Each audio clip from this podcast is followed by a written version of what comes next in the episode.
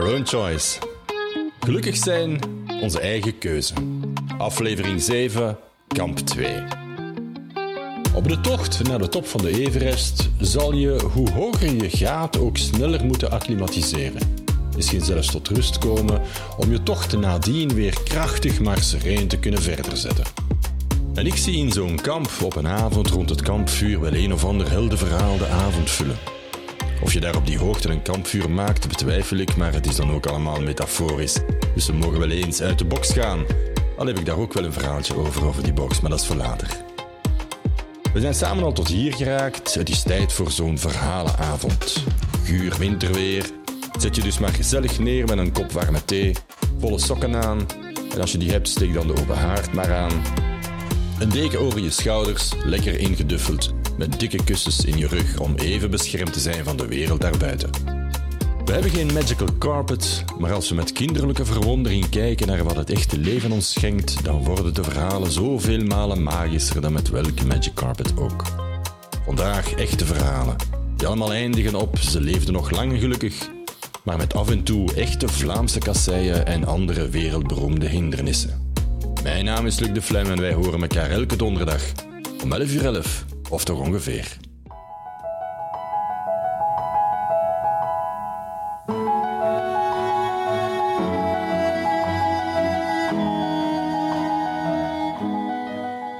De eerste held van de dag zal ik Sophie noemen.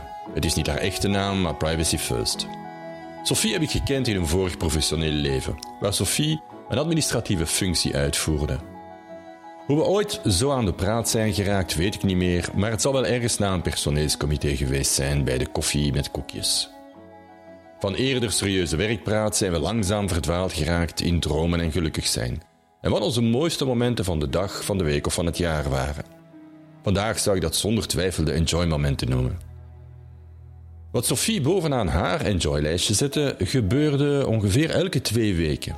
En het heeft me letterlijk met stomheid geslagen. En nochtans, ik kan er wel wat uitkramen en het is soms zelfs moeilijk me het zwijgen op te leggen. Dit is een echt kampvuurverhaal. Heel verrassend en toch zo mooi. Sophie's mooiste moment van de week was de zondag. Tot daar niets verwonderlijk aan. En voor haar is dat eenmaal om de twee weken, wanneer de lokale voetbalploeg een thuiswedstrijd speelt. Dat is dan voor haar liefhebbende echtgenoot dat ene moment waarop hij zijn geliefde voor enkele uren alleen laat. Alleen in dat eenzame huis, zonder haar geliefde man om te genieten van zo'n uniek moment dat de zondagnamiddag vertegenwoordigt in het leven van ons allemaal. Maar van zodra haar man de hoek van de straat eindelijk omdraait en de geliefden elkaar een laatste handzoentje hebben geworpen, komt voor Sophie het allermooiste moment van de week eraan. Alleen in huis bereidt ze secuur de volgende uren voor. In de keuken een heerlijke pot koffie. Voorziene tijdsduur van het genieten ongeveer drie uur. Het moet dus een vrij grote pot zijn. Een doos heerlijke koekjes, de zaterdag zelf gebakken, steeds dezelfde, zandkoekjes met een heerlijke halve geconfijte kers erop. Een relaxed outfit, omdat ze zich daarin zo comfy voelt, telefoon op stil en als dat allemaal klaar staat, haalt Sophie haar dossiers boven die te moeilijk zijn om ze op bureel te behandelen omdat ook die klanten recht hebben op een exacte berekening van waar ze als pensioen zullen mogen van genieten. De complexiteit van de wetgeving bij gemengde carrières met onderbrekingen, werkloosheidsperiodes, periodes als zelfstandige, afgewisseld met tijdelijke interimjobs, soms een voltijdsjobs als bediende en dan weer als arbeider, maken van zo'n dossier. De merveilleux van Vitamer, de chocolade Sint van Joost Arijs, het dessertbord van Roger van Damme. En waarschijnlijk ook nog iets uit Kortrijk. Althans, voor Sophie want voor velen onder ons zullen het eerder juist de patisserieën zijn in het verhaal dan die supercomplexe dossiers. Maar dit is nu eenmaal niet ons verhaal, maar wel dat van Sophie.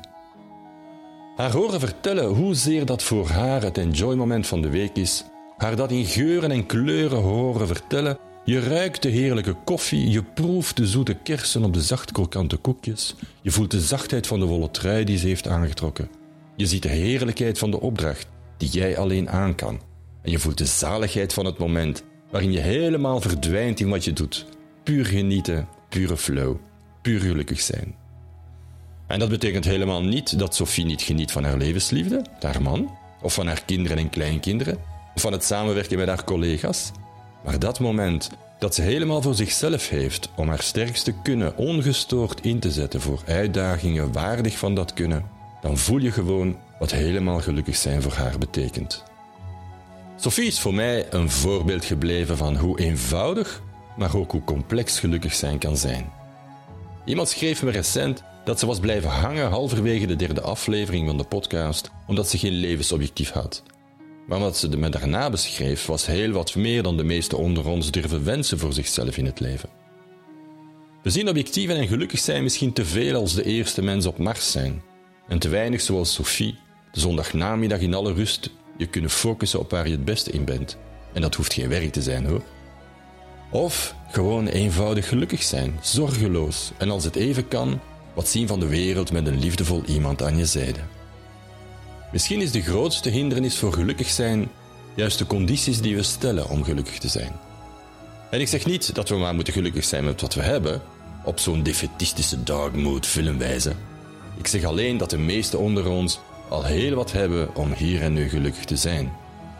Natuurlijk met grootse plannen en eindeloze ideeën en projecten, zeker en vast, en we gaan die ook aanpakken. Maar met die zalige glimlach op onze lippen, omdat er zoveel is waar we ook vandaag en alle dagen van genieten. En is er alleen een dag waarop alles lijkt tegen te vallen? Wel, dan is dat zeker ook goed voor iets.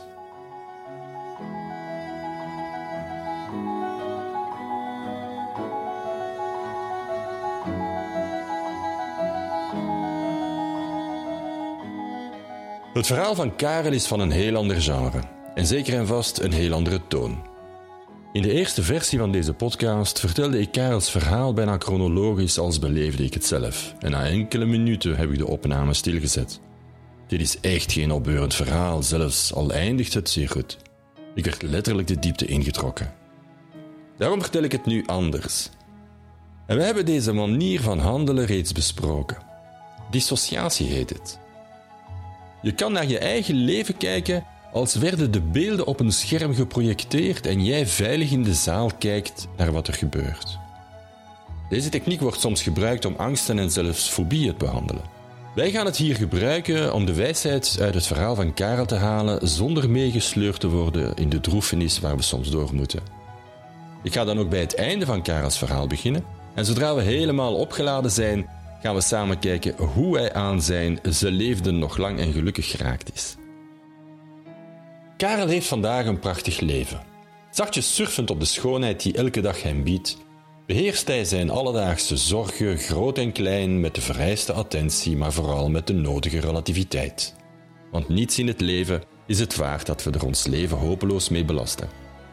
Hij leeft met de liefde van zijn leven, heeft een uiterst warme relatie met zijn kinderen en kleinkinderen en heeft een inspirerende en motiverende professionele activiteit. Al komt die term niet van hem. Karel vertelt me graag dat hij woorden als werken en professionele activiteit vermijdt.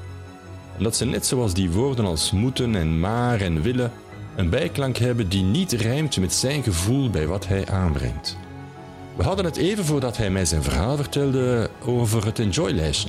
En allicht deels om mij plezier te doen, concludeerde hij: I don't work, I enjoy.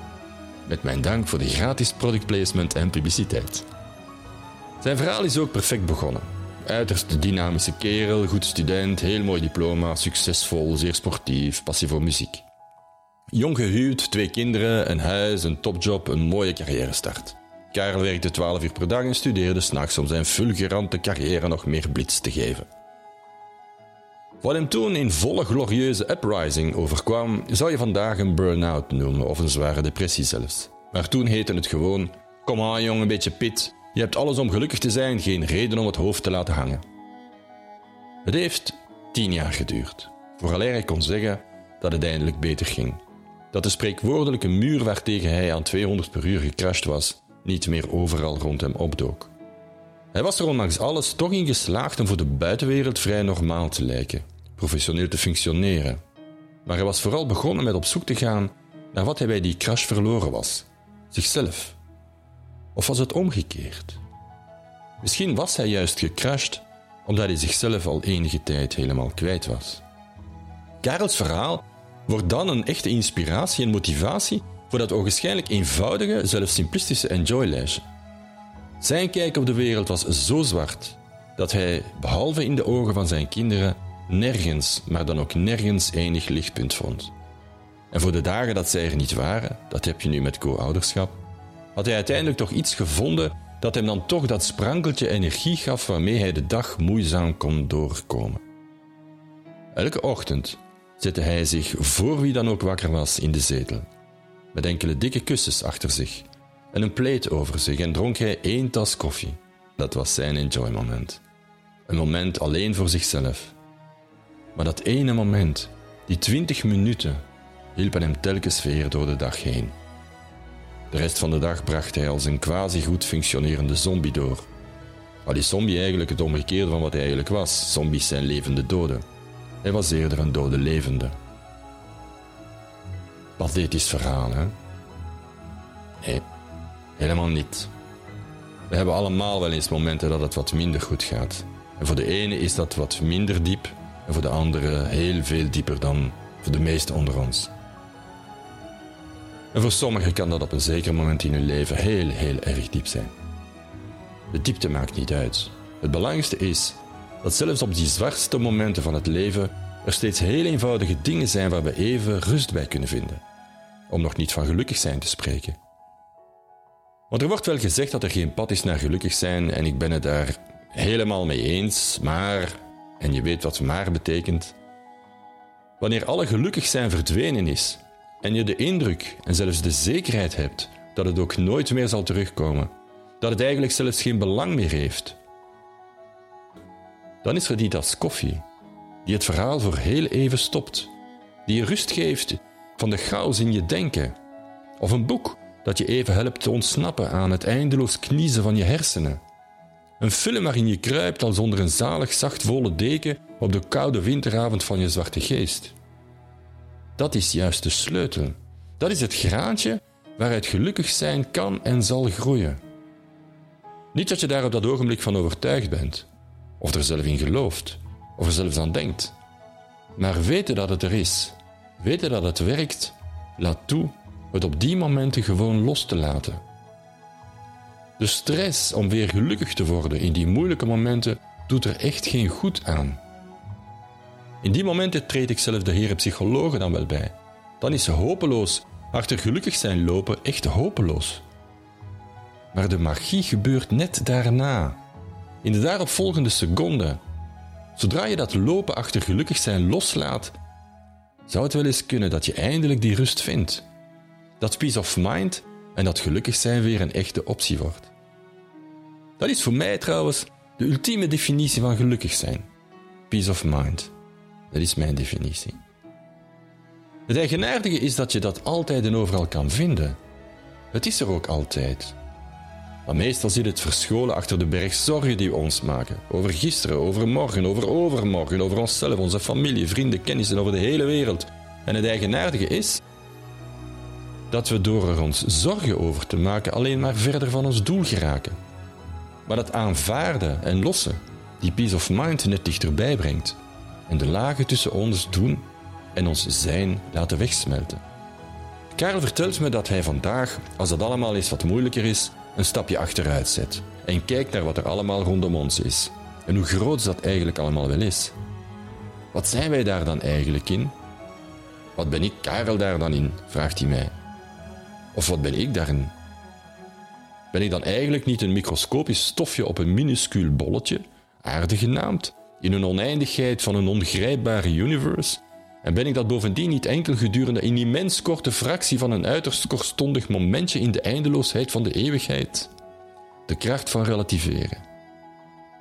Maar we kunnen dat wel zijn met heel ons hart.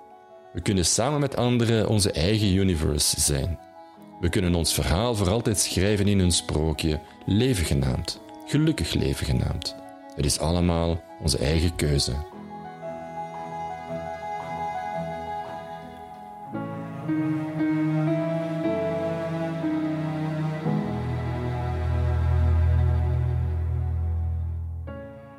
En er is dan nog een klein verhaaltje dat ik wil delen, en dat is een persoonlijke ervaring. Het bewustzijn of worden in die filosofie van gelukkig zijn onze eigen keuze. Het is ook al enige jaren geleden, maar het is op zich niet echt tijdsgebonden, wel situatiegebonden. Ik werkte toen vrij veel met wat men zware verantwoordelijkheden noemt. En de hele wereld was toen in de ban van een niet onaardige financiële crisis, omdat zoveel verantwoordelijke de betekenis van het woord verantwoordelijk reduceren tot heel veel geld verdienen.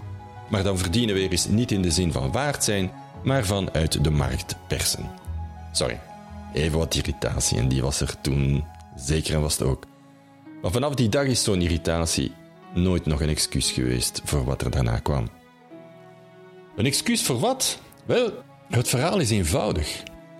Ik trachtte regelmatig mijn mama te bellen en meestal was haar eerste opmerking dan dat het weer heel erg lang geleden was. Waarop ik steeds moest erkennen dat het inderdaad zo was, maar dat met al het werk dat we hadden en de situatie waarin we zaten, je kent dat wel, veel geblaad, weinig wol en een excuus waarom je de tijd niet gehad hebt om te bellen. Tot die dag. Ik was al enige tijd bezig met die ja, intense zoektocht, die me trouwens een titel had geïnspireerd voor een boek. Maar het is dan wel bij de titel gebleven, nog eens. De titel was The Epic Journey to the Heart of Yourself. En misschien dat deze podcast daar wel eens een beslissende stap zou kunnen in zijn. Maar toen was het alleen nog maar een vage belofte. Nu, terug naar mijn verhaal. Feit is dat ik die dag een ander woord heb gebruikt in mijn excuus. Ik heb toen aan mijn ma geantwoord: Make, ik heb de tijd niet genomen om jou te bellen. Het is toen even heel stil geweest. Maar het is sindsdien nog maar zelden voorgekomen dat ze te lang niets van me hoorde. Zij is er nu 91 en we sturen elkaar dagelijks, of toch bijna, een mailtje. En elke keer denk ik aan die anekdote. Aan hoeveel we onze eigen keuzes kunnen maken. Maar vooral hoezeer we altijd daarvoor verantwoordelijk zijn. Niet altijd voor wat ons overkomt. Niet altijd, maar wel voor de keuze van hoe we ermee omgaan. De verhalen van Sophie en Karel en die laatste kleine anekdote die ik zelf beleefd heb, zijn maar kleine voorbeelden die tonen hoezeer we het leven dat we leiden, meer nog, de manier waarop we ons leven leiden, kunnen sturen door de keuzes die we maken en de verantwoordelijkheid die we daarvoor op ons nemen.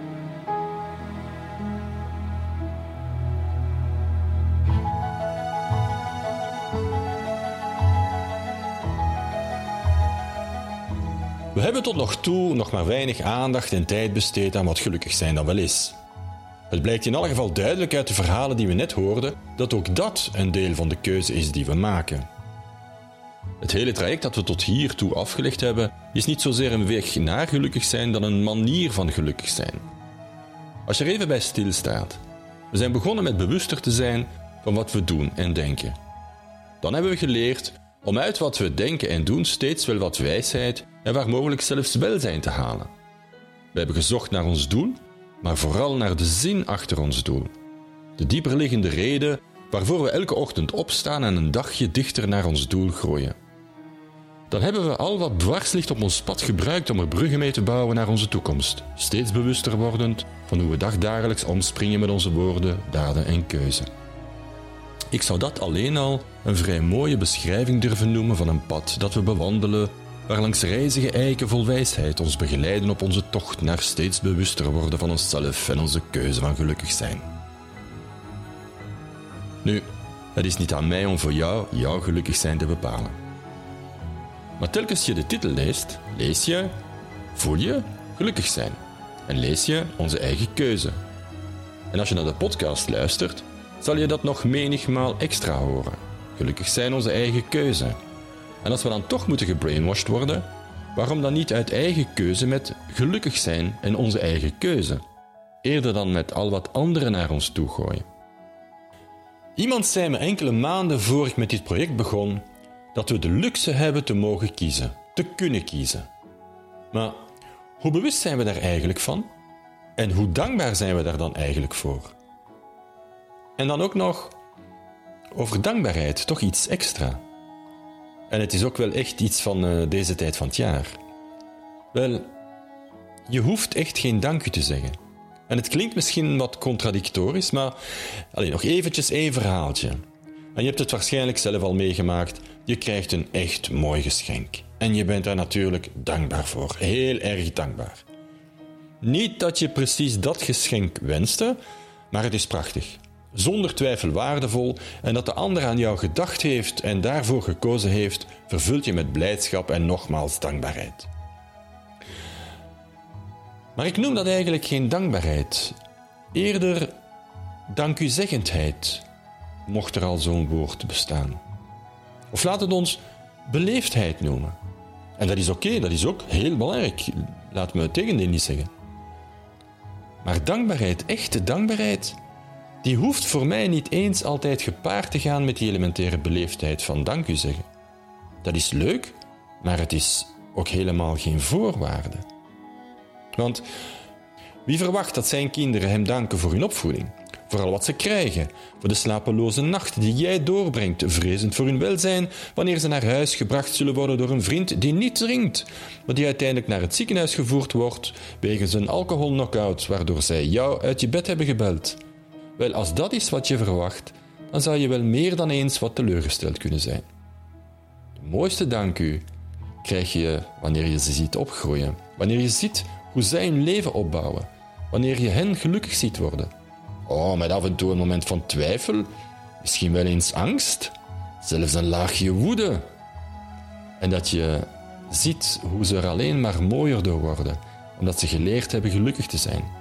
En geleerd hebben dat er momenten zijn waarop er vooral geleerd moet worden. Er is geen mooiere dankbaarheid dan dat. de enige vraag die wij ons dus moeten stellen als we er inderdaad van overtuigd zijn dat we het geluk en de luxe hebben te mogen en te kunnen kiezen, is wat wij met dat geluk dan doen. Ik wens iedereen heel fijne eindejaarsfeesten, een spetterend nieuwjaar en een magisch 2022. Misschien moet ik wel een derde seizoen beginnen op 22-2-2022 om 22 uur 22, maar laten we niet te veel vooruitlopen. Jullie hebben eerst nog een heel belangrijke keuze te maken. Happiness, our own choice. Gelukkig zijn is een keuze.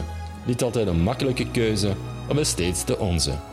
Kies wel en vooral geniet van je week en we blijven elkaar horen elke donderdag om 11 uur 11. Of toch ongeveer. Tot dan.